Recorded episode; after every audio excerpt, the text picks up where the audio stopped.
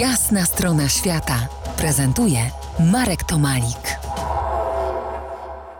W 2019 roku w gminie Lipowa na Żywiecczyźnie powstał pierwszy mural rozpoczynający projekt, który nazywa się Szlak Beskidzkich Murali, którego pomysłodawcą i autorem jest Maciek Szymonowicz.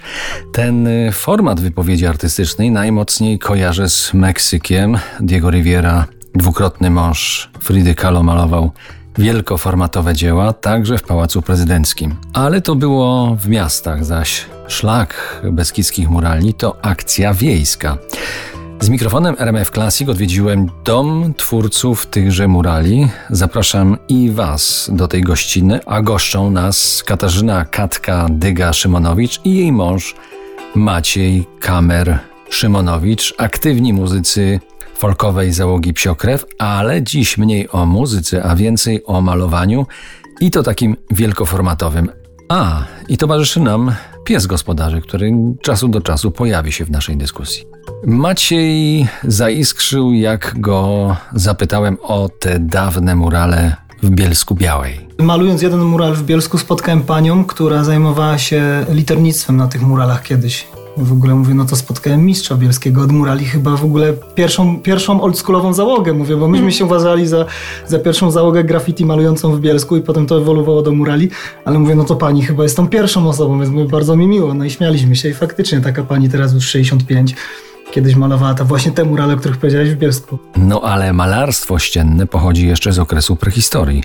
Było szczególnie rozpowszechnione w starożytnym Rzymie na ulicach miast. Wiesz, zawsze tą historię możemy gdzieś wstecz wracać, wracać, wracać i, i to z tego co wiem, to kiedyś te malowidła w Grocie Laską, tak, we Francji były pierwsze, teraz się okazało, że już jest coś jakby wcześniej namalowane, ale faktycznie jest y, taki projekt Obraz Miasta, w którym też malowaliśmy jeden ze swoich murali w Bielsku Białej, a ten nasz szlak Beskidzkich Murali to był taki zamysł, że, że podążyliśmy z tą sztuką właśnie w przestrzeń wiejską, czyli tam, gdzie zupełnie właśnie była ona a z racji tego, że my lubimy wracać do tych korzeni nie? i w muzyce, i do tej tradycji, także tym bardziej ta sztuka muralu nawiązująca do tradycyjnego dziedzictwa. Maćku, twoje murale wywodzą się nie z tradycji PRL-u, co z własnej tradycji graffiti, ale te odnosiły się do kultury hip-hopu. Ten PRL, no to gdzieś tam, że tak powiem, yy, pamiętam, ale tak częściowo, nie? bo jestem 7-9 rocznik, więc, y, więc faktycznie nie mogę inspirować się bezpośrednio tą sztuką, chociaż nie wiem, czy jest sens się inspirować tą sztuką.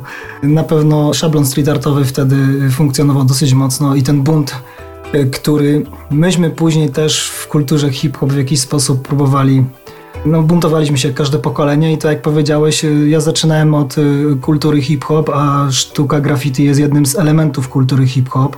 Do rozmowy z Szymonowiczami i szlaku beskidzkich murali powrócimy za kilkanaście minut.